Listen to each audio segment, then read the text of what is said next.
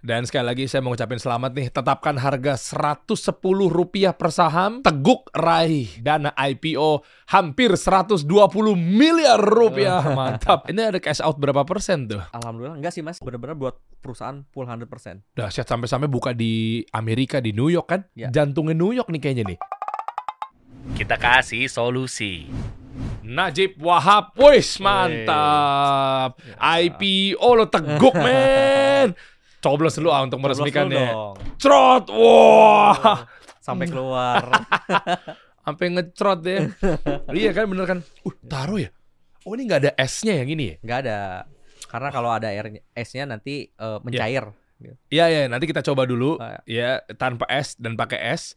Dan sekali lagi saya mau ngucapin selamat nih, tetapkan harga Rp110 per saham, teguk raih dana IPO hampir 120 miliar rupiah. Mantap. Duit semua tuh ya. Ini ada cash out berapa persen tuh? Alhamdulillah enggak sih mas. Oh, buat pengembangan Enggak. perusahaan. Iya, Wow. benar-benar buat perusahaan full 100%. Dahsyat sampai-sampai buka di Amerika di New York kan? Betul. Gue pikir ini cuma di Times Square-nya doang, tapi nyatanya lihat deh. Eh geser lagi tuh. Ya, ini Taguk tadi udah 200 hampir 300 ribu followers ya Instagramnya. Lihat ini, ternyata ada di daerah pusatnya malah ya. Ya. Jantungnya New York nih kayaknya nih. Ini, Ini Times Soho. Square, ini Soho ya. Soho. Times Square berarti sininya ya? Times Square sebelah kiri, Heeh. Soho tengah-tengah. Iya tuh, tuh, Pusat tuh. pembelanjaan mas. Iya, iya, iya, iya tuh lihat. Coba jalan sedikit ke sana. Saya mau lihat. Ini kan Google eh, Street View ya. Google Map. Oke. Jadi di persis di depan gereja nih. Ini ini kan ada gereja kan sini? Ya. Eh, Seberangnya gereja. Eh, eh, nah ini Ya. ada di sini nih teguk nih. Jadi orang sana ngiranya dan ngomongnya apa ya? Teguk ya? Taegyuk. Bisa- Taegyuk. Teguk. Disangkanya brand Indonesia atau apa nih? Nah, jadi mereka tuh nyangkanya pada saat di awal kayak brand Korea atau brand Thailand gitu Oh. awalnya. Tapi lama-lama mereka tahu karena ada eh, rasa cendol mas. Oh ada cendol ya? Cendol gitu. Mana gua nggak bawa? Di Amerika. Yuk kita OTW dulu yuk. Di sana ada ya. Iya, Di sana ada cendol. Nih. Bener-bener eh Keren. gitu.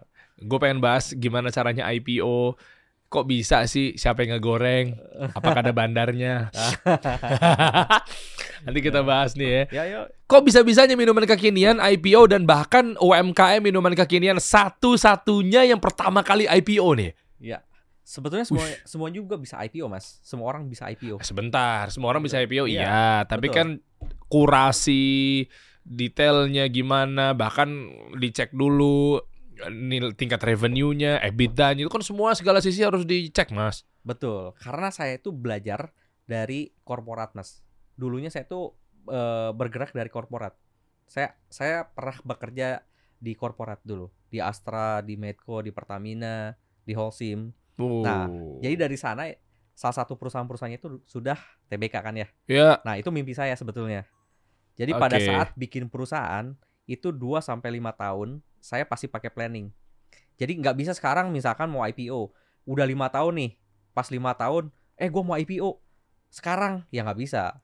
Itu harus di create 2 sampai tiga tahun ke belakang, gitu. target. Target, Eh, bukunya seperti apa, operation seperti apa. Jadi semua semuanya itu lain semua mas. Jadi nggak bisa langsung di hari itu juga, eh gue mau IPO tahun ini juga nggak bisa. Oke, ntar Gitu. bocorin deh ya. Boleh boleh. Kita ngobrol detailnya ya kok bisa-bisanya sampai IPO bahkan UMKM minuman kekinian kok Betul. pada dipercaya. Bahkan katanya oversubscribe ya. Oversubscribe. Tuh, lihat beritanya deh. Kita Mana tadi? oversubscribe sampai 159 mas. Ada kata di berita coba cari deh. Tadi ya, ya eh, sampai berapa? 159 kali. Jadi sebenarnya 120 miliar tapi ternyata yang mau masuk berapa dananya? Hampir 2, berapa triliun lah. Udah, syat. Gitu. Saking sebegitu dinikmati dan dan diminati ya. Betul. Karena manis mas. Eh, mantap. Karena buahnya mau naguk mulu Iya, ya. betul. Coba deh kita coba cek dulu nanti di sini eh, kalau memang hasilnya yang yang seperti misalnya di luar ekspektasi saya, saya akan kritik habis-habisan. Boleh. Bismillah, ini yang taruh ya. Ya taruh. Enak kan? Wih, Iya. ini bukan karena di depan dia nih. Coba pakai es. Uh, Biar lebih dingin. Oh iya, iya dong kan es dingin. Eh, enak loh guys. Saya juga emang salah satu penikmat minuman kekinian. Iya. Saya udah tahu sebenarnya, udah tahu bakal seenak ini. Karena kan konsisten banget teguk. Iya, ya. Gue nggak tahu yang lainnya, kadang berubah-berubah. Coba ya, masukin, pakai es nih. Set, ini yang mangga ya? Bawahnya ada Ini yang mangga. Mango, bukan mangga, Mas. mango, sama dong. Kan bahasa Inggris bahasa Indonesia. Itu Ya. yang mana? Ini eh, coklat. Oke, itu Eh, coklat, Ini eh, strawberry. strawberry. Ya. Ih, strawberry juga saya pengen tuh. Ya, Saya demen juga tuh. Eh, ya, ntar saya itu ya, cap cip cup belalang kuncup ya itu. Ya. Ntar saya coba strawberry dulu, nanti baru saya cobain itunya juga. Itu juga deh. Ah, Oke. Ah, iya. Eh, Taruh dulu deh. Ya, Bismillah. Top kan? Numero uno top. Iya. Ini baru layak nih, IPO nih. Iya.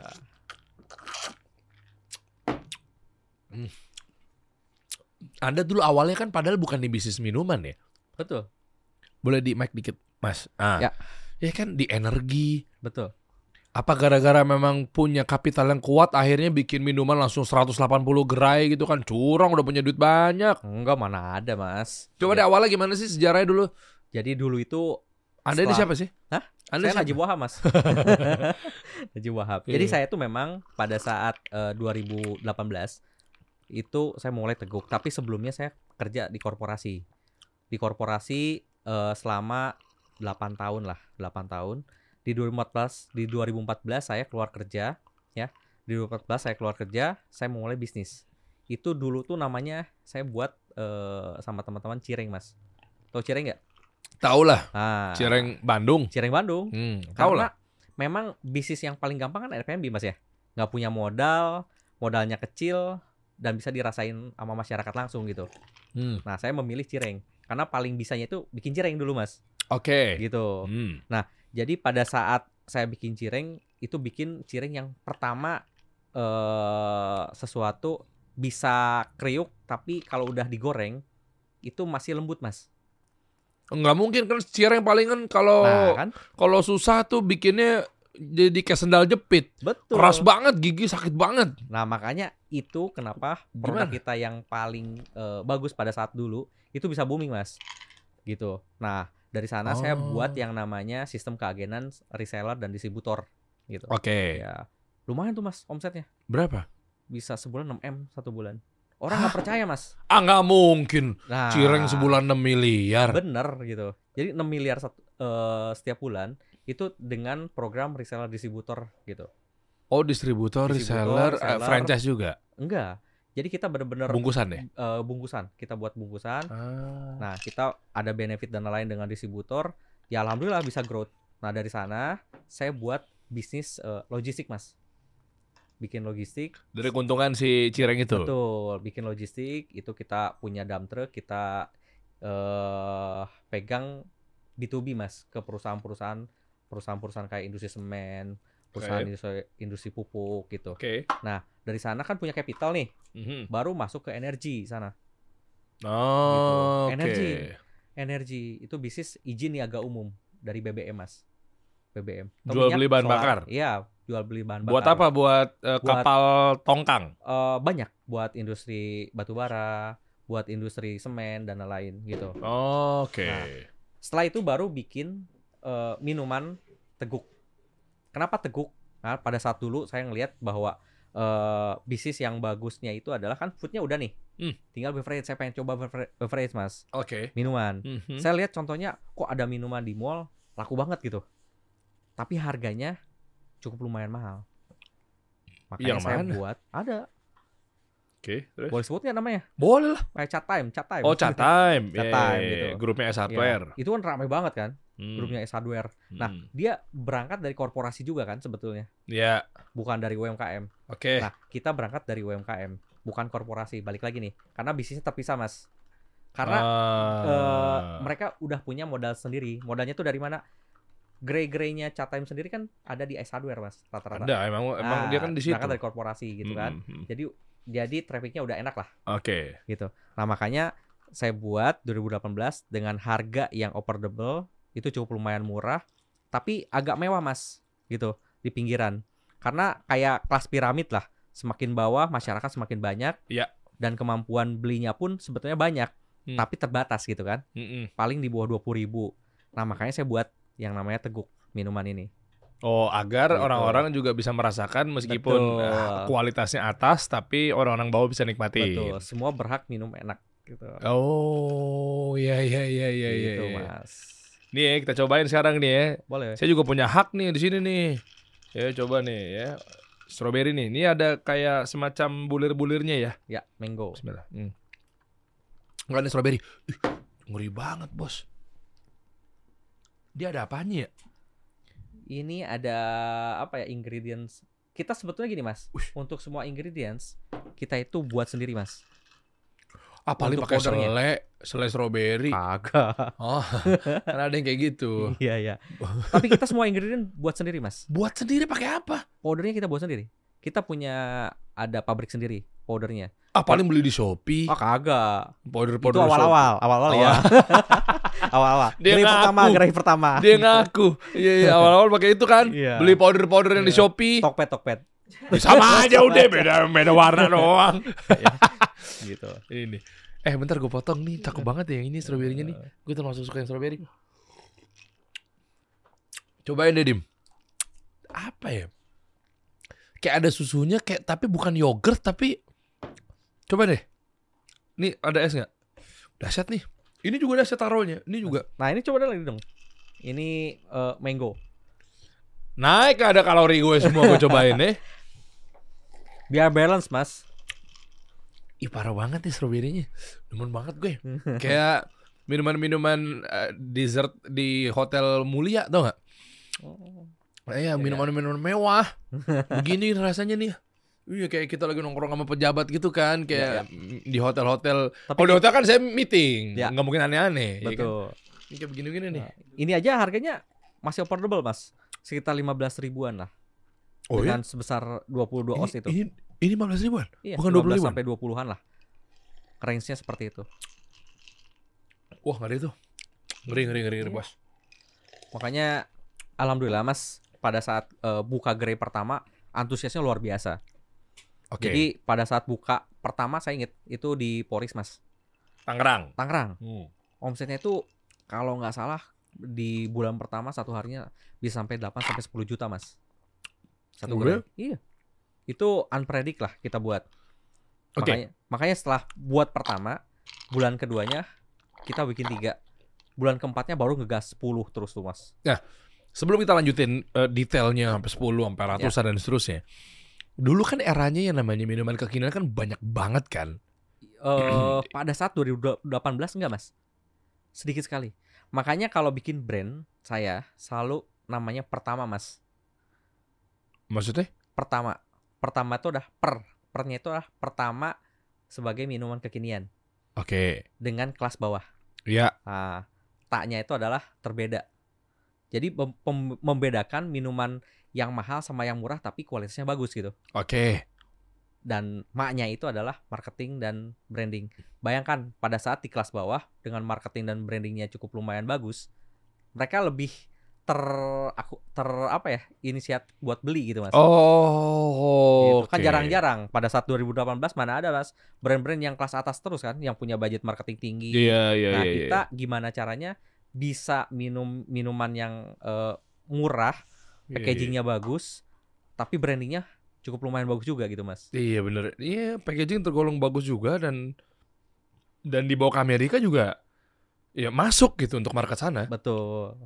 Iya iya. Nah waktu itu pakai strategi apa? Eh, karena banyak minuman-minuman kekinian juga pakai brand ambassador, pakai key opinion leader, pakai content creator, influencer, selebgram, tiktoker gitu kan? Betul. Eh, sama semua begitu atau memang mengedepankan fundamental tanpa begitu-begituan kan tinggal bayar brand ambassador selesai. Orang punya kapital kok duit Ah. gede kok. Enggak, itu kan bukan masalah capital, tapi memang kita ini eh semua bisnis itu masing-masing, Mas.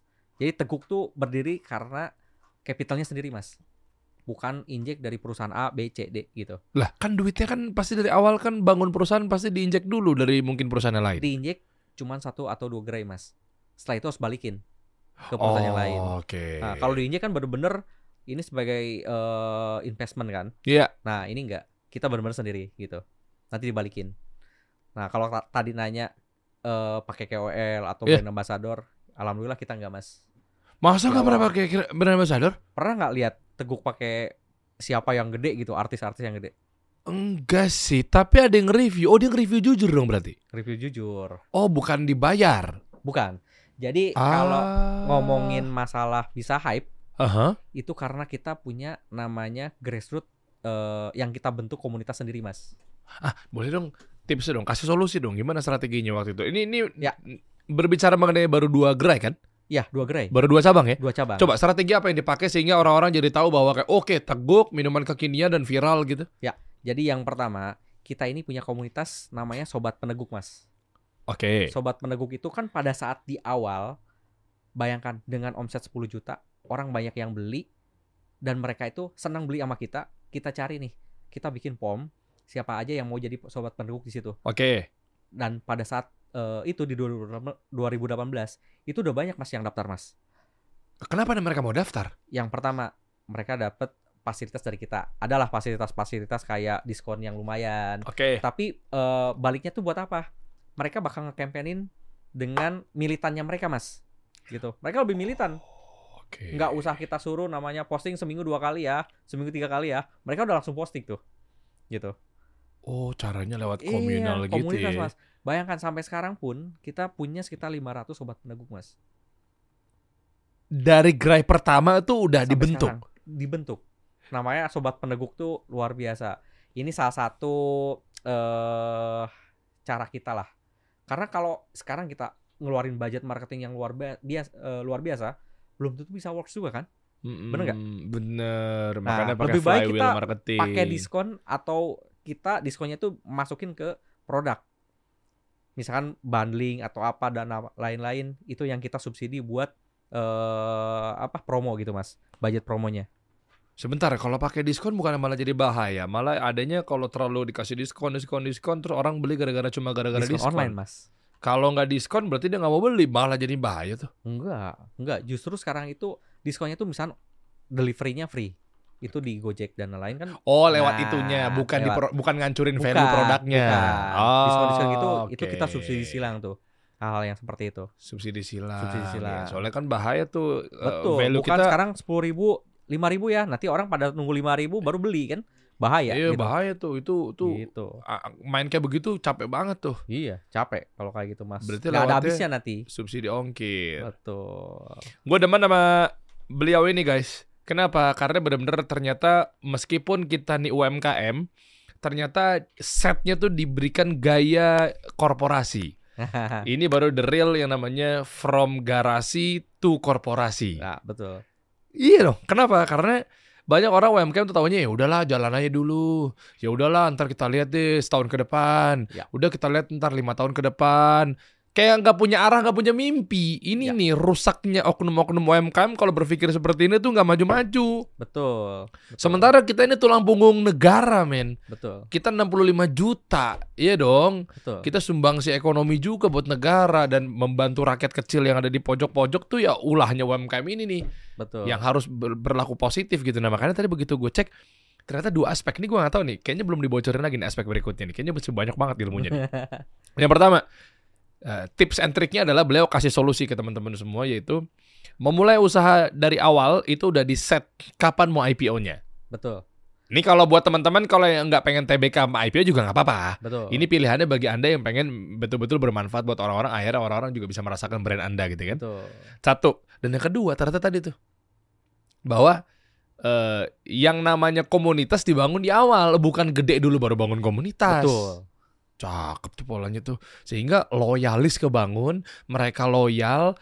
Jadi militan tanpa KOL kita bisa neken budget promosi, bisa Betul. neken budget Betul. marketing, pakai sistem flywheel marketing kali ya dalam tanda kutip ya. Betul. Jadi militan di diomonginnya sama mereka-mereka semua mereka gerak. Betul. Kayak wibu, cakep nih. Iya. lebih militan mereka tuh Lebih lebih militan lebih militan daripada wibu. betul Apa di atas wota juga nih jangan-jangan kadang-kadang mereka bikin acara sendiri loh dengan budget mereka sendiri karena udah pada kenal tuh Oh, ibu lama. deh. Pakai hoodie yang mana? Pakai tas yang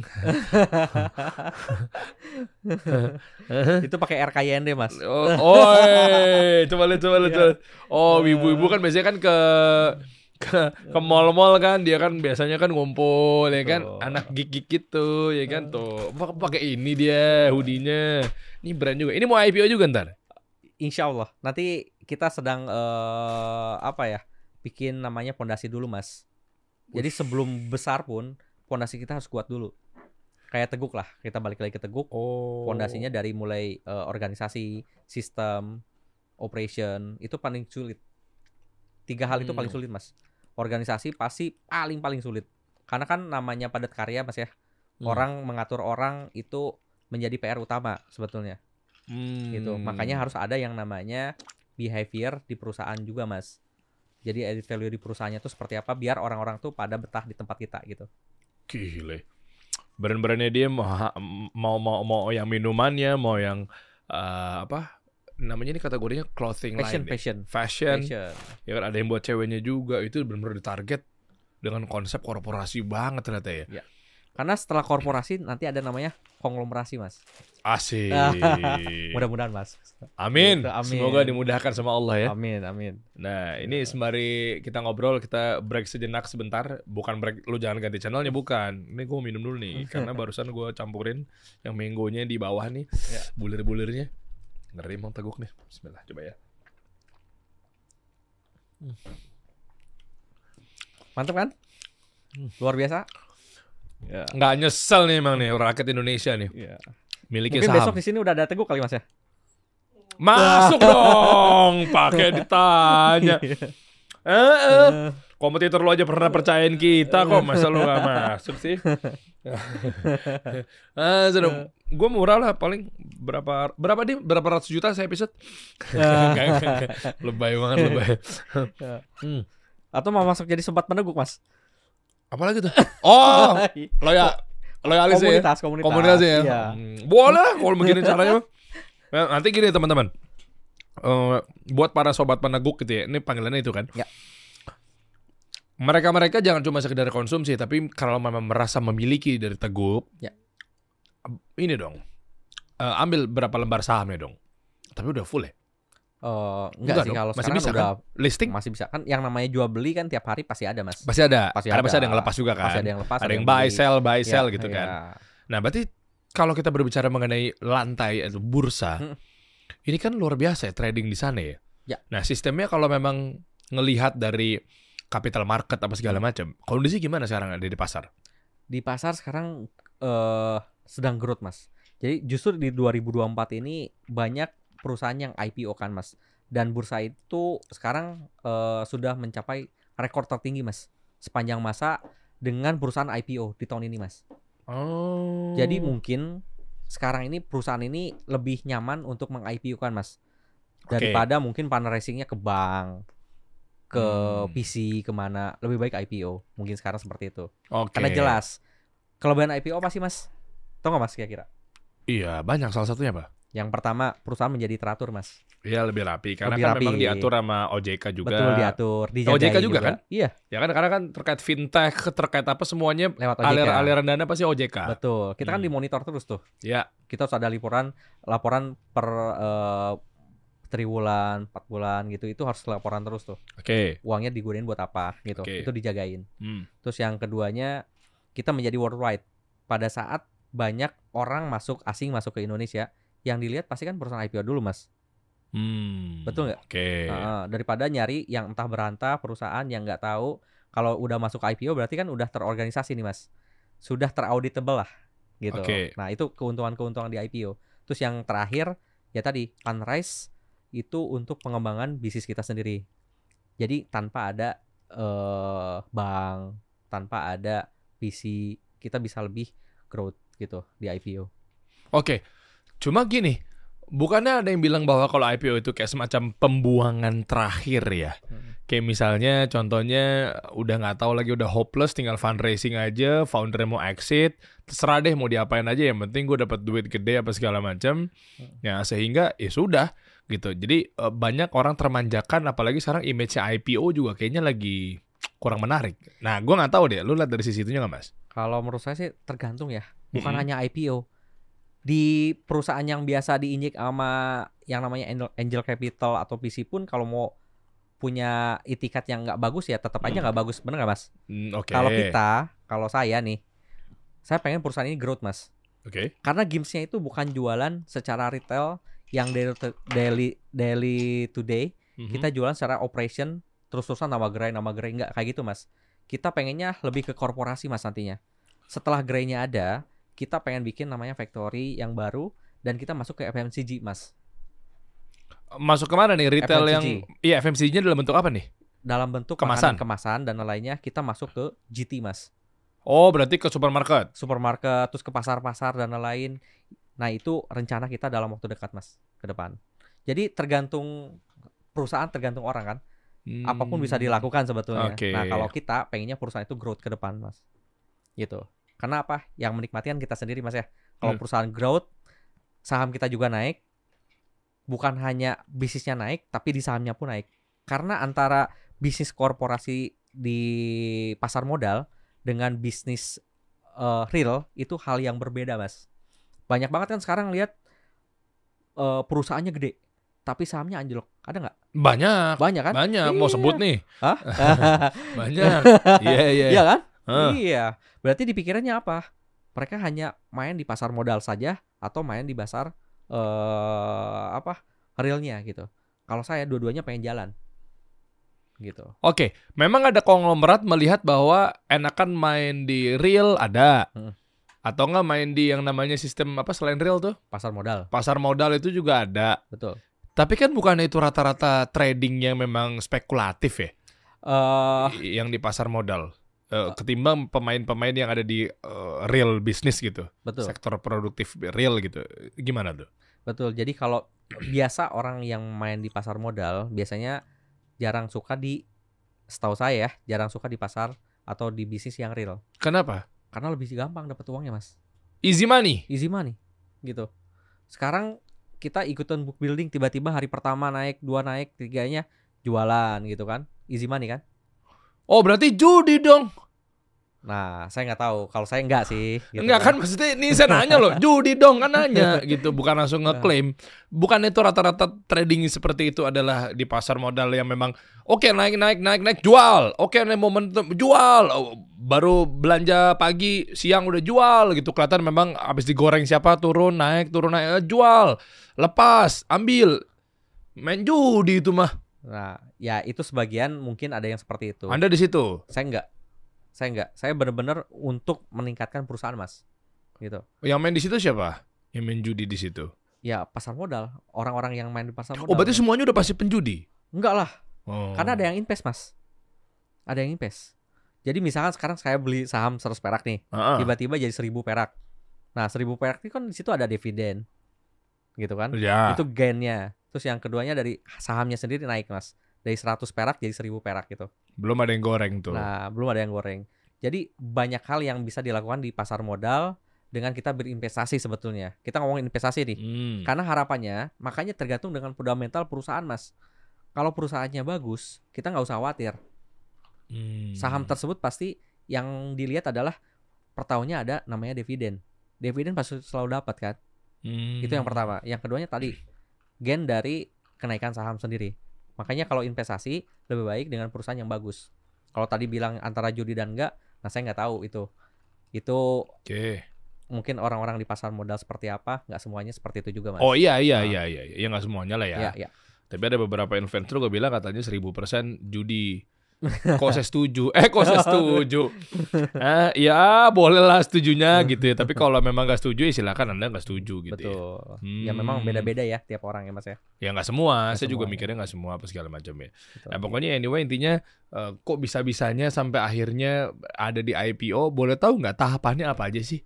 Yang memang harus disiapkan. Iya, Kan ada yang ngomong dari sisi harus banyakin cabang. betul. Ya kan, mungkin saya bukan orang keuangan ya, jadi mungkin nggak pengen tahu detail di ranah yang namanya keuangannya gimana sih cara ngaturnya, kok bisa-bisa dapetin 120 miliar tuh gimana caranya? Kalau memang lu mau ngasih tau tipis-tipis boleh mas bro, Ya, ya. ya kan? Itu gimana caranya? Sebenarnya nggak terlalu sulit sih mas. Yang penting yang pertama itu adalah eh, bisnisnya ada. Oke. Jadi bisnisnya ada itu adalah punya revenue yang bagus. Jadi pada saat kita buat satu perusahaan, buatlah perusahaan yang pasti menghasilkan mas. Karena pada saat kita punya revenue yang bagus, Hmm. dari sana tiap tahun tuh pasti naik mas, pasti Oke. naik dan eh, dari sana kita bisa lihat pergerakannya. Kalau misalnya perusahaan, kalau saya tiga bulan pertama kalau perusahaannya nggak bagus saya tutup mas, gitu. Cepet amat, spekulatif banget. Maksudnya kan Nggak tahu, proyeksinya kan feeling saya selalu eh seperti itulah. Jadi kalau tiga bulan pertama kita nggak bagus, saya juga pernah kan selain teguh kita saya buat lagi yang lain makanan tiga bulan baru satu gerai nggak bagus saya tutup mas Kalau lakukan berarti omset ya. dari omset. Nah makanya dari omsetnya setelah kelihatan bagus, baru di situ kita bicara saya optimis nih bakal IPO. Makanya gedein dulu yang namanya revenue mas. Tanpa revenue mau IPO kayak gimana ya pasti susah, susah mas. Iya gimana Gitu. masyarakat kan kagak ngelirik lu kalau revenue lu nggak sehat. Betul, makanya harus Hmm. sehat. Pasti kan kalau revenue gede, gimana caranya biar perusahaan itu sehat? Perusahaan sehat dari mana? Bikinlah organisasi yang bagus. Organisasi yang bagus dari mana? Bikin sistem yang bagus, Mas. Belum tentu ada orang-orang yang bagus, tapi sistemnya nggak bagus, itu sama aja bohong, Mas. Gitu. Saya lebih baik punya sistem dulu daripada punya orang dulu, Mas. Sistem yang bagus, baru orangnya kita kelola yang bagus. Itu pasti perusahaan growth, Mas.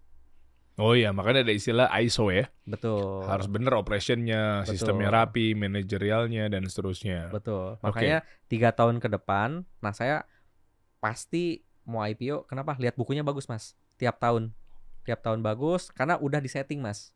Karena lihat kan gini, perusahaan itu kan 2018 mas. Mm-mm. Saya punya pikiran setelah 2018, dua, di 2020 saya mulai eh 2019 saya IPO mas. Gitu. Oh, Oke. Jadi 2018-nya dibuat satu tahun ngelihat, oh ternyata omsetnya luar biasa nih, bisa nih di, di IPO kan. Hmm. Jadi tolak ukurnya yang pertama dari omset. Pasti dari omset, Mas. Oke, dan dari omset itu ketemu di angka kebutuhan 120 miliar. Eh, penetapan 120 miliar itu memang kesepakatan gimana nih? Kesempatannya tuh ya tadi yang namanya revenue Dikali Dikali- sekian. dikali sekian. Nah, sekarang kita Ah. hitung ke keuangan dikit aja ya. Ya, Saya ya. nggak mau dalam-dalam banget deh. Revenue berapa waktu itu setahun? Setahun revenue sekitar 120-an sampai 130-an lah. Setahun. 120-an miliar Iya. sampai 130. Iya. Oke. Gitu. Justru waktu pas pada saat Covid itu lebih gila, Mas. Oke. Gila. Nah, Berarti kan ketemu valuasinya berapa tuh? Dikali berapa? Pakai sistem yang mana? Rasio yang mana? Eh, Multiple. dikali per, per price earning ratio itu dikali empat kali atau lima kali lah. Oh, Oke. nah, itu Berarti misal dari 400 revenue miliar. bukan dari profit ya? Betul. Itu 400 dikali 30% share saham yang mau dilepas. Oh, berarti multiple-nya kali 4 ya? Betul. Dari seratusan miliar dikali 4 berarti valuasinya ketemunya adalah dari dihitung dari revenue ya, omset ya. Berarti 400 miliar. Iya. 400 miliar untuk berapa persen saham? 30. 30 persen. 30 persen. Gitu. Oh, oke. Makanya ketemunya 120 miliar. Betul. Atau bisa aja kalau ngitungnya kita lebih eh, detail lagi, itu dari net profit dibagi share yang akan dilepasnya, Mas. Itu ada pengalilan lagi. Oh, tuh. kalinya lebih Nah. angka gede dong. Betul, pernya lebih gede gitu. Iya kan mau Jadi- pakai angka kecil apa angka gede tuh? Betul. Bisa kali 12, kali 17, kali Ya, 24 gitu iya, kan. iya. Kita kali 19 kalau pakai per yang seperti itu, Mas. Gitu. 19 ya. 19. Hmm. Wih, sehat itu. Eh, Sehat, Cakep sehat itu. banget, Mas. Karena kalau lihat dari yang lain itu bisa di atas 50, ada yang 100 gitu. Itu kita cukup lumayan sehat lah. Gitu. Oke. 30% buat publik. Ya. 120 miliar. Dari mulai saham ada yang megang 0,00 sekian sampai ya sekian lah ya. Ya, betul. Buat apaan mengembangkan perusahaannya? 30% eh, 120 miliar itu. Oh, banyak, Mas. Cabang. Yang pertama adalah cabang. Yang kedua adalah untuk pengembangan pembuatan pabriknya sendiri, Mas. Kenapa Pabrik. harus pakai pabrik sih? Kenapa nggak vendor aja? Enggak. Karena Nike gini, aja sampai sekarang nggak pakai pabrik Nike. Iya, betul. Tapi kalau konsep kita, saya pengennya hulu ke hilir, Mas. Karena nanti suatu saat hulunya sendiri bisa di IPO kan, Mas. Oke. gitu. Jadi semuanya kita mau pegang tuh dari hulu ke hilir. Hilirnya ada, hulunya kita buat. Nanti setelah hulunya kita bisa mungkin membantu banyak UMKM juga mas. Hmm. UMKM untuk maklum di tempat kita. Nah itu harapannya seperti itu. Gitu Hmm, mas. Nilai pabriknya berapa? Ya misal 10% sampai 20% lah dari nilai IPO. Kita nggak usah nyari pabrik yang mahal-mahal, yang biasa aja. Akuisisi. Yang penting produksinya aja yang nanti bisa kita kencangkan. Gitu. Bekas pabrik minuman juga. Eh bisa iya, bisa enggak mas? 12 M ya. Ya tahun depan kita buat. Dan sisanya kita invest di beberapa perusahaan UMKM yang kecil-kecil mas. Oh makanya ada bisa tumbuh bareng sama Arif Muhammad. Ya. Itu bagian dari uang itu yang nanti dialokasikan oh, beda, kepada la- enggak beda. Beda lagi? Beda lagi. Duit Anda banyak sekali ya? Oh, enggak Pak lah. tolong audit Pak. Saya curiga nih 2024 nih harus masuk KPK semua nih orang-orang yang berduitnya banyak nih. Kagak lah. Itu dari perusahaan bener-bener Oh, pure gitu kan. Iya. Ya maksudnya coba Pak Firly cek. Eh udah nggak ya? Sorry. Yang lain lah siapa lah yang ada di situ lah. banyak banget. Berarti bisa tumbuh sama Arif Muhammad beda lagi. Karena kan semangatnya bantu UMKM juga. Iya, batu UMKM lagi kalau itu. Itu apa sih sistemnya? Eh bentar ya agak lompat ke sana dulu ya. Karena kan perusahaan beliau juga nih. Jadi kalau eh, bisa tumbuh itu adalah yang pertama adalah enabler, terus yang keduanya adalah kurasi UMKM mas. Oke. Kurasi UMKM untuk kita scale up. Scale upnya itu ada dua. Kita bisa injek dana atau kita bisa beli dengan eh, penjualan pembelian putus mas. Dan kita akan lakukan ekspor, rata-rata ekspor. Hmm. 70 ekspor, 30 persennya kita distribusi ke GT market kayak pasar-pasar eh, tradisional gitu. Tapi kalau yang enabler tadi kita masuk ke MT market mas, modern trade. Ya. Nah, seperti itu. Jadi kita beli ke kor- korporasi besar, kita simpan di gudang kita, kita lakukan distribute ke eh, modern trade. Hmm, nah itu, itu. bisa tumbuh ya. Tadi gue Nah. sekilas aja sih intermezzo pengen tahu tuh. Iya, oh iya. ternyata cara kerjanya seperti itu. Hmm. Nah kalau kita balik lagi ke Teguk ya, Ya. eh, berarti udah bisa tembus di angka sekian, dapetin eh, lepas 30%. Hmm. Nah eh, sebenarnya saya masih mau kepo dari sisi yang namanya kok publik bisa tertarik meskipun relatif ya. Ada yang bilang revenue 120 miliar per tahun, seksi apa enggak. Tapi kalau publik menilainya gini gimana? Emang nih bisnis ada masa depan deh. Gitu. Soalnya saya nggak mau nyebut merek Ya. karena takutnya sensitif. Ada juga mereka tahu nih publik, wah ini lagi rame nih, tech company, Ya. marketplace dan seterusnya. Oke, naruh di sini. Anjlok sahamnya nggak udah nggak karuan tuh. Iya nggak? Ya. Padahal gede banget. Akhirnya untung masih ada nafas tuh. Ada pahlawan kesiangan.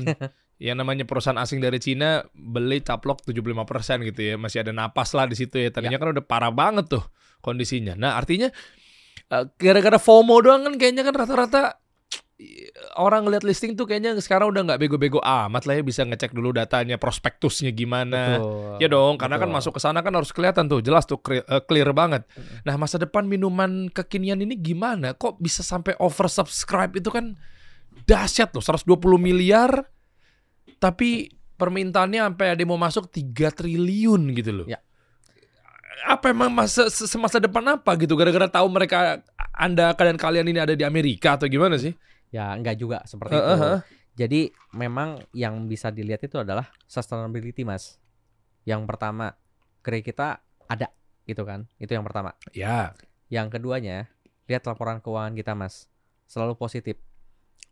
Oke. Ya, setiap kita triwulan laporan, kita selalu positif mas. Mm-mm. Karena ada ada income yang mungkin di bisnis realnya itu nggak semua orang tahu mas.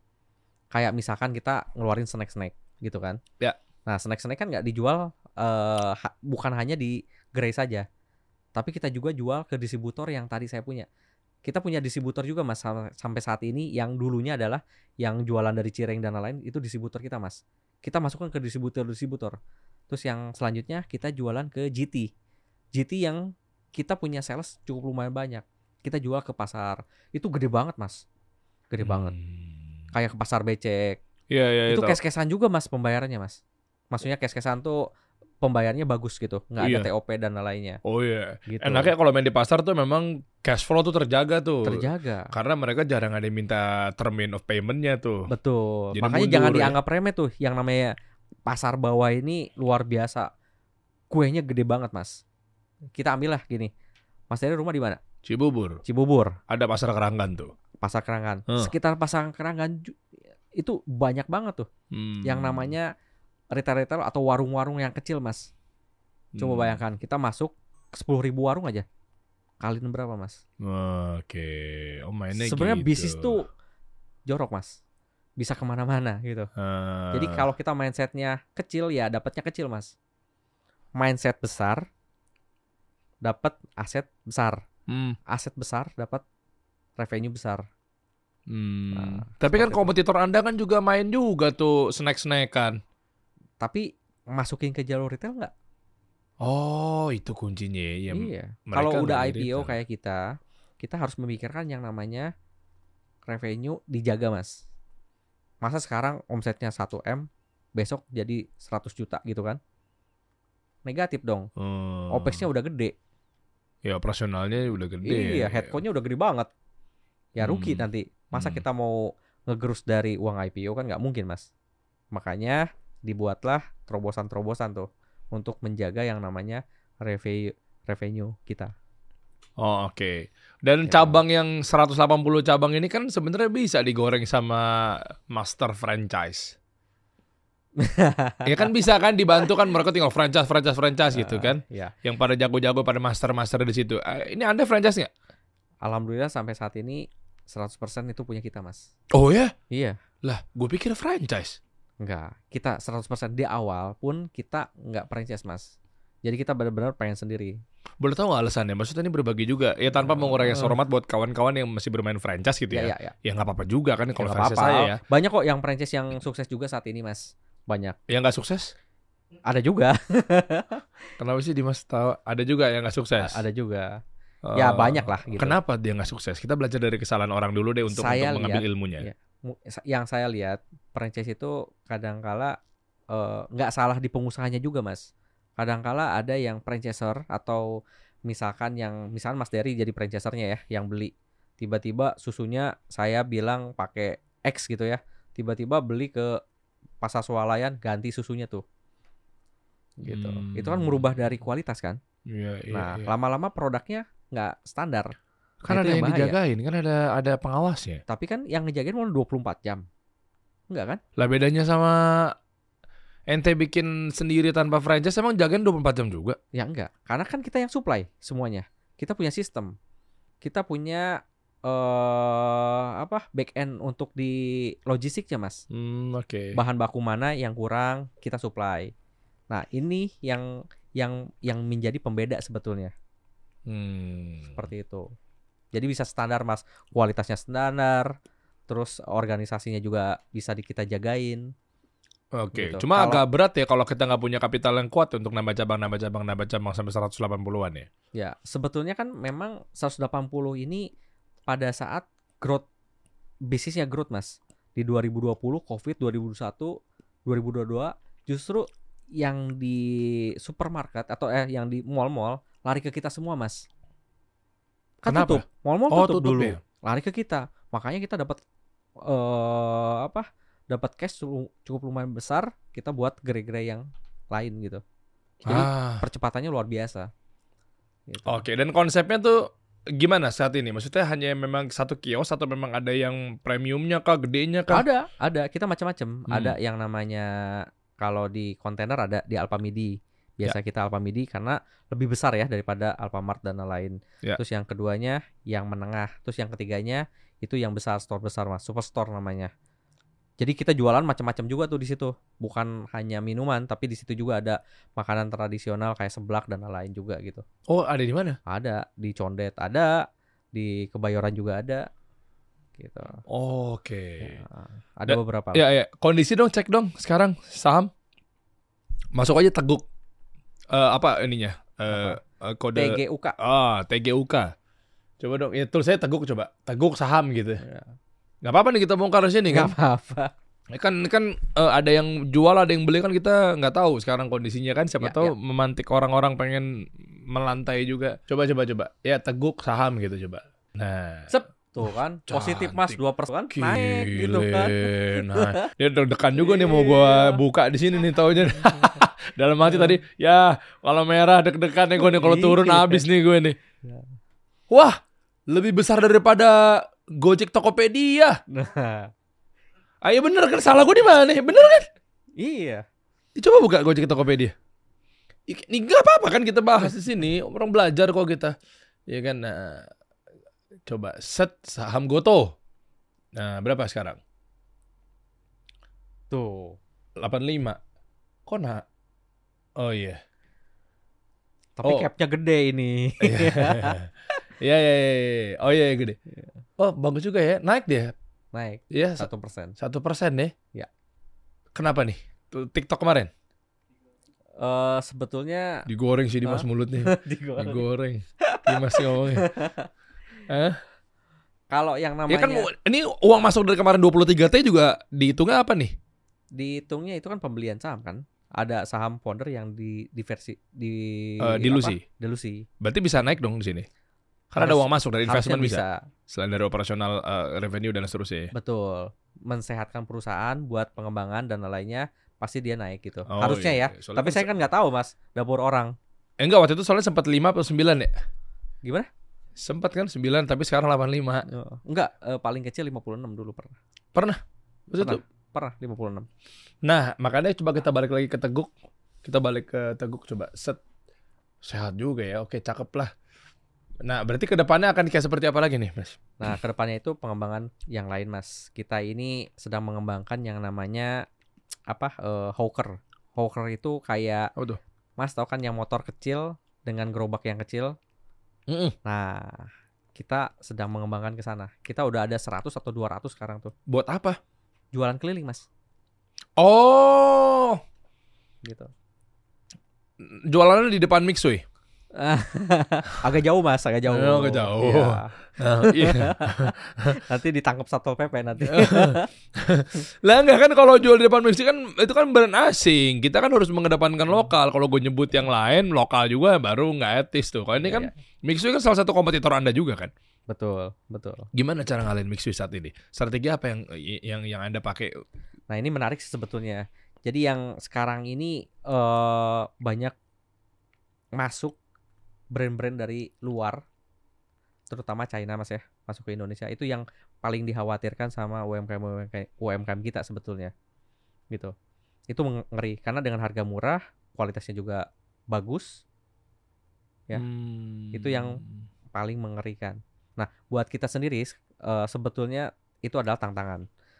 Untuk teguknya sendiri sekarang karena kita non franchise, kita bisa ngelakuin apa aja mas, bebas. Oke, oke. Eh, kita bisa R&D apa aja, kapan aja, dan pada saat eh, setiap saat gitu bisa ngelakuin apa aja. Misalkan sekarang kita ngeluarin produk ini serentak langsung bisa mas. Kita langsung Ah. promo serentak langsung bisa gitu. Itu yang eh, menjadikan kita sampai saat ini masih sustain gitu mas. Dan malahan beberapa bulan ini kadangkala kita eh, grow positif mas. gitu. Hmm. Ah, terus kalau ngelihat dari mereka sekarang ini pergerakannya luar biasa, Cina masuk Indonesia, gitu ya. Bukan hanya makanan mas, kan fashion juga sama kan? Fashion dia ya ya. Fashion juga alat-alat di produksi, alat-alat di eh, manufacture kan semuanya Cina semua kan masuk ke dalam juga.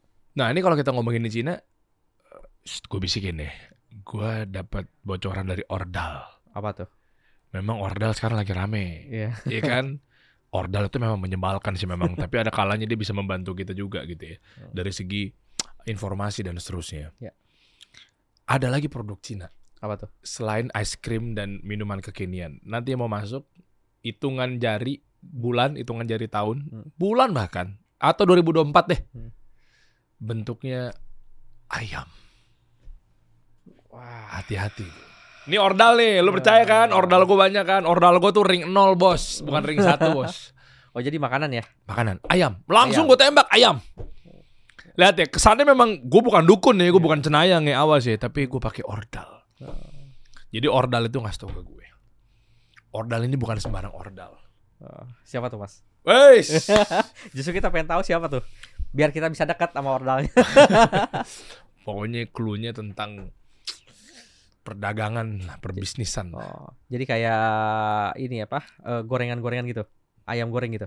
Dia sifatnya ya ayam digoreng Oh. gitu.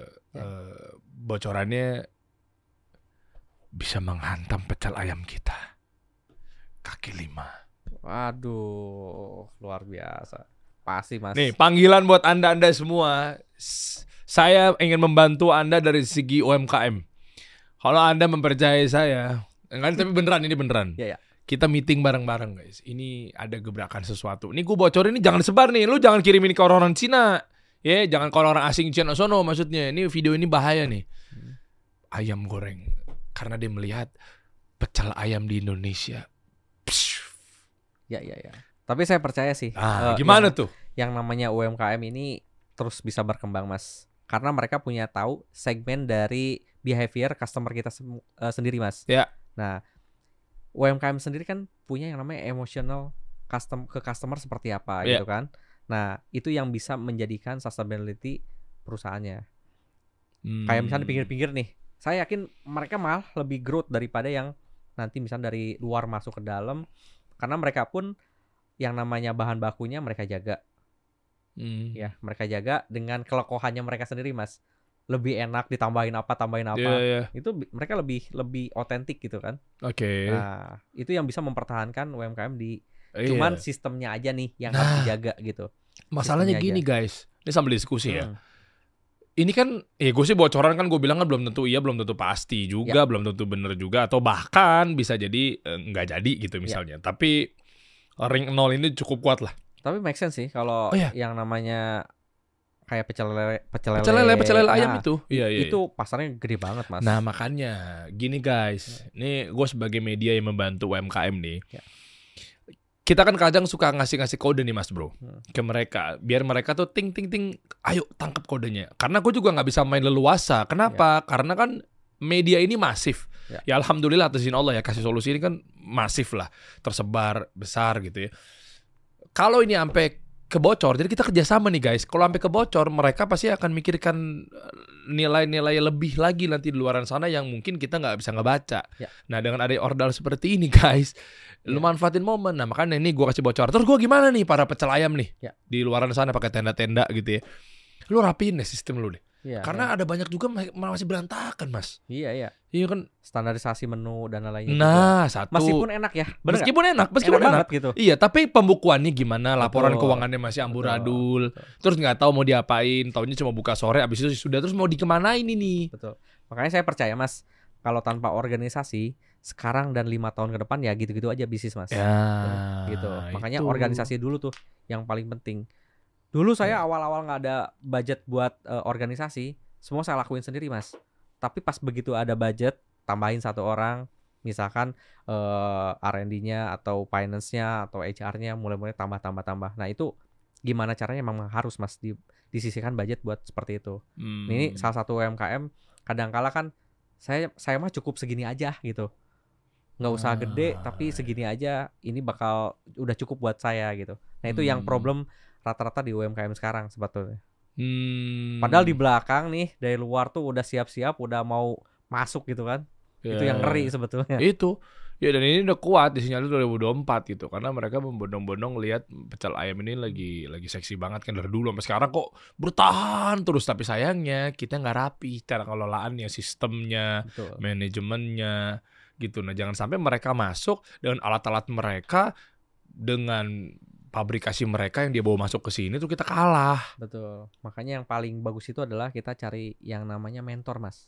Hmm, ya. Ya, ya. kayak Mas Dari kan bisa jadi mentor saya nanti kebalik bisnis gitu dong, kan. kita saling mengisi lah. Iya, kita kolaborasi aja. Betul. Ya, ya, ya. Jadi itu cocok banget sih sebenarnya. Iya kan? Bantuin Iya. kita eskalasi para Iya. pecel ayam misalnya. Iya, betul. Ya, atau yang lainnya juga mau es krim, mau minuman apa Iya. segala macam gitu. Atau kita bikin aja ya. Pecel lele Indonesia, Mas ya. Wah, iya iya. Itu bagus loh. Nah, itu makanya saya sama sahabat saya namanya Lutfi Ginanjar, Heeh. orang Smash Hub. Oh, itu adik kelas saya, Mas. Ya, Iya. ini kan. Wah, Heeh. itu dia punya visi misi juga bagus banget. Saya diajak sama dia tuh, Der, kita harus bantu. Kita eskalasi di 2024 ini para pecel ayam ini nih harus benar-benar kita angkat. Justru saya mau bikin, Mas, kemarin. Ah, kalau mau lu bareng sama Ya. gua aja. Gua Jadi mau gua mau mempecel ayamkan Indonesia bareng sama Lutfi se-Indonesia. Pada mau nggak? Pada setuju nggak? Iya. Nah, pendanaannya nanti kita pikirkan. Ya. Nah, nanti kan lu bisa support juga gitu. Iya. Karena itu kuenya Iya, gede iya. banget, Mas. Iya, iya. Kuenya gede banget Ya itu. gitu. Kita udah konsepin sih sebetulnya, Mas, tahun lalu Mau kita kawinin aja ntar. gitu. Namanya pecel lele. Oh ya? Pecel lele adalah apa brandnya ada. Kita Hmm. udah konsepin dengan ada salah satu partner saya nanti, Mas. Ah, Gitu. iya. nanti Siapa kita ngobrol bisa. deh. Nah, Kita, Sip ya? Ya bener ya kita, Ah. kita kita kita kolaborasi aja dulu saatnya kita bareng-bareng teman-teman semua. Ya. Ya mudah-mudahan juga Teguk juga nanti di depan juga bisa membantu juga ya karena kan dengan dengan membantu para apa ya pengangguran Karena kan sekarang kan istilahnya Pak Jokowi juga menggaungkan yang namanya bonus demografi. Betul. Ada juga yang namanya nantinya eh, Indonesia Emas 2045 Betul. dan seterusnya gitu kan. Nah, makanya sekarang Pak Jokowi jadi salah satu program selain hilirisasi memang menekan menggenjot lah bisa dibilang untuk minimal let's say 1 juta usaha baru dan seterusnya gitu kan. Betul. Persekian persekian gitu. Buat apa sih dengan banyaknya wirausaha otomatis kan lapangan pekerjaan terbuka. Betul. Nah, sehingga tertekan tuh angka pengangguran. Ya. Itu poinnya tuh, makanya kita lagi mau gaungkan ke situ. Ya. Ya mudah-mudahan nanti ke depannya kita bisa kolaborasi bareng-bareng lagi ya. Amin. Ya kan? Nah, bantu doa juga sini. Kalau mau doa nanti doain para UMKM kita. Nih, pakai sarung ini. Masya Allah. Sarung safir tuh, Safir. ya. Ini sarung tenun. Ini sarung tenunnya bukan sembarang sarung tenun, nih. sarung tenun pilihan kita, Wah, safir. Ya. keren Jadi, nih. Keren. Hadiah buat Mas Najib Wahab. Wah. Tuh. Masya Allah, makasih Mas. Sama-sama. Ini juga. saya pakai buat sholat tiap hari Mas. Iya dong. Iya. Nanti kalau misalnya udah jelek, saya telepon lagi, Mas kurang gitu kan. Kurang ya. Lo yang doa, ntar Iya. gue yang bantu amin. Amin. Iya. Amin aja dulu ya Iya, nggak? Amin ya. Iya. Ini nih giring-giring opini nih. Oh jadi amin nih Mas ya? Eh silakan ini diterima aja hadiahnya. Gitu kan ya. Anda nggak usah dipertegas gitu ya. Bahaya kan Iya. takutnya kegiring banget. Iya. Mudah-mudahan juga nanti eh, dikasih solusi terdekat. Ada nggak sih di sini teguk nih? Kalau mau dapetin teguk di daerah sini di mana? ya? Eh, saya tadi cek di mana di Kebayoran Lama kalau. Kebayoran Lama tuh mana sih? Masih agak sana ya? Iya. Sini dong, buka Eh, sini sampai ada ada di Holiko. pos pengumuman kalau Pos pengumuman kan? Ah, Coba cek dong, di mana aja sih teguk? Coba dong. Nah, ada nggak? Gila, gua minum tiga ya, strawberry ini. Eh, by the way, insya Allah gue bisa bedain mana gula yang betul-betul ada pengawetnya dan juga ada kimianya luar biasa sama tidak insya Allah. Kenapa? Karena saya banyak dapat eh, ilmu juga lah ya Hmm. tentang kalau udah netes ke sini tuh begitu dilap kayak gimana pun tetap yang lengket nggak enak. Ini enggak ya? Ini enggak. Enggak, iya. Pakai apa sih gulanya? Alami Mas. Dan di tenggorokan juga nggak gatel. Saya Enggak. pernah cobain yang merek lain, gatel. Itu pakai gula cair yang yang enggak ya gitulah pokoknya. Apa nama brandnya? Apa ya? Pura-pura lupa saya. Kasih tahu informasi Iya. gimana IPO-nya caranya. nanti di luar Mas ya. Ya? Teguk pasti di luar IPO-nya nanti Mas. Di mana? Di Amerika lah Gila. pengennya. Di Amerika tadi udah ada tuh. Iya Iya. enggak ya? Lihat deh tadi ya. Eh, ini sering-sering ada nih. Oh, ada sangseng. Ya kan? Amerika di Soho Soho. baru nih brand lokal internasional nih. Iya. Ya kan? Go internasional nih. Iya. Keren berarti 11 12 sama Agnes Mo nih. Karena eh, bukan nyari brand aja sih Mas, bukan brand awareness. Kita nyari bisnis pool. Keren. Kita bener-bener nyari profit Mas di sana pun. Oh ya memang begitu. Memang Gitu. mau ngapain lagi bisnis Ya masa kata, nyari kata profit? orang kan ada yang bilang ini buat brand awareness ya, enggak. Buat apa Mas ya brand awareness gitu? Buat apa? Buat apa brand dengan budget yang gede kalau bisnisnya nggak ada? Ya, nih nih nih ada di Amerika, di Sydney ada lagi. Nanti Ya. nextnya di mana lagi deh? Dua itu dulu Mas. Karena di Amerika pun kita mau bikin lagi satu lagi nanti. Di, bulan Gaza Maret. dong. Gaza. Iya kan bantu bantu rakyat kita yang lagi kesusahan di sana kemanusiaan. Bener gak? Kita buka gerai buat mereka minum gratis. Lu mah otaknya politik mulu lu Gaza, uh, jangan dibecandain bang. Habis sih lo dikit-dikit gue disangkanya bercandain bercandain bercandain mulu. Bener buka di Gaza, kasih minum gratis atau minimal kasih harga yang affordable buat mereka. Jadi kan membantu kemanusiaan di sana. Jadi gerak Gas ya. Gas. Gas. Ya. Iya enggak? Coba nanti kita coba cek ya. Di Aman Palestina. nggak dulu gitu kan? Nanti tim kita ke sana tiba-tiba ada masalah gimana? Nanti Iya kan? juga ya. Iya. Yang di sana dibawa pulangin ke sini, Mas. Iya iya iya. Ya, apa kita doain pokoknya Kita tersebar doain seluruh sama kita Indonesia. bersedekah Eh, seluruh aja ke sana, dunia. Mas. Gitu. Apa? Kita doakan dan kita tetap bersedekah aja ke sana dulu. Sementara itu yang kita lakukan gitu kan. Hmm, ya Ya. betul. A- ada rasa semangka nggak? Buktikan kalau ada cinta dong. Kan sekarang kan di Indonesia kan harus ada pembuktian ya katanya. Nah, Ada kan? Ada. Edisi semangka. Oh, ada, Ini ada, bukti ada. Kepedulian ya? kita pada oh ada. Palestina. Bikin tuh yang itu dikasih eh, promo menarik misalnya buat khusus yang warga-warga di sana. Iya. Ica. Dan kita pun memang eh, sebagian kita sisihkan buat ke Palestina. Wah keren. Gitu. Sampai saat ini ya. Bismillah gitu. T-nya diteguk itu kan depannya dari T-nya Palestina tuh. Iya. Keren. Warnanya juga hampir mirip kan tuh Mas. Biru, merah, Ada kan? Oh, iya. Ijo di sana, Pak. Oh, ijo, iya. Dimasuk-masukin. Iya. Padahal di sana merah, ijo, hitam. Iya, iya, iya, iya. iya. Iya, iya, iya. Ah, oke. Nanti cek aja yang teman-teman kalau mau tahu lebih lanjut yang ada di Jakarta Barat terus yang ada, gua nggak tahu di daerah lo di mana. Dan komen di bawah buat lo udah merasakan teguk seperti apa, komen. Atau mungkin lo mau request kira-kira di daerah mana lagi yang mau dibukain. Soalnya bentar lagi Mas Najib akan benar-benar deal-dealan akan mengiyakan permintaan lo yang ada di daerah-daerah tertentu. Amin, gas. Bisa. Gua asal nunjuk-nunjuk aja. ya. Kita tunggu ya. Amin. Nanti Siap. nambah lagi ya. Siap. Akhir tahun ada lagi menuju ke berapa? 200, 300. Ini belum habis nih akhir tahun nih. Tiga hari lagi, Mas. Gue juga nggak tahu nih tayangnya kapan.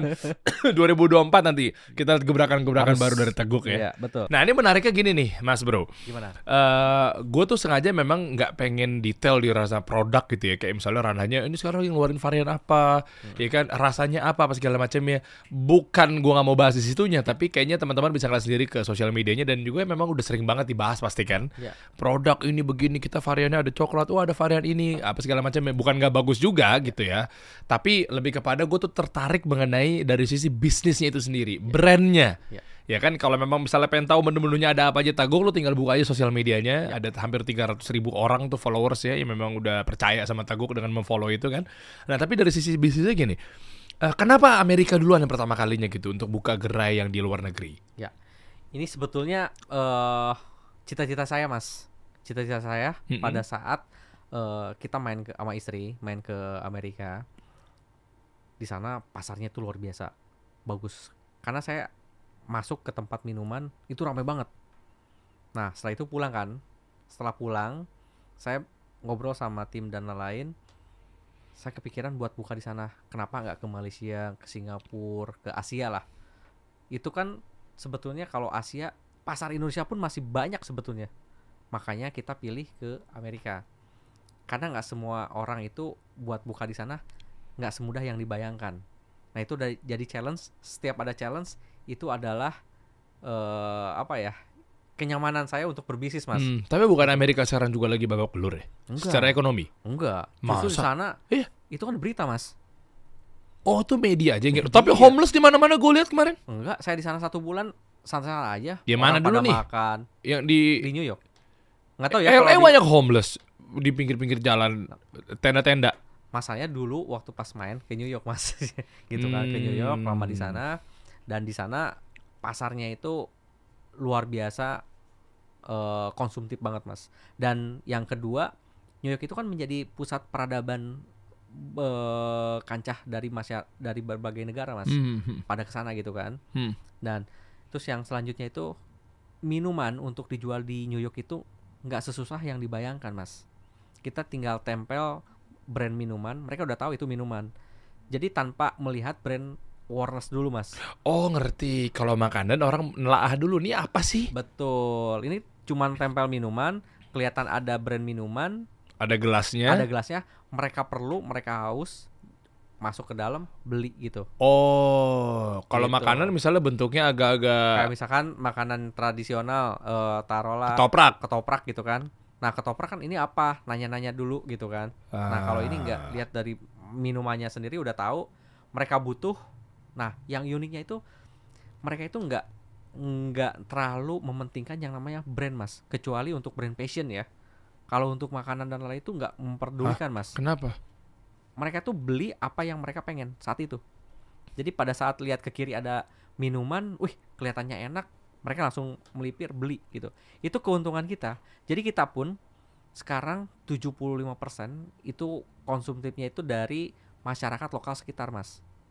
Oh, dan respon positif. Positif. Jadi bukannya orang Indonesia yang ke sana, tapi bener-bener orang lokal.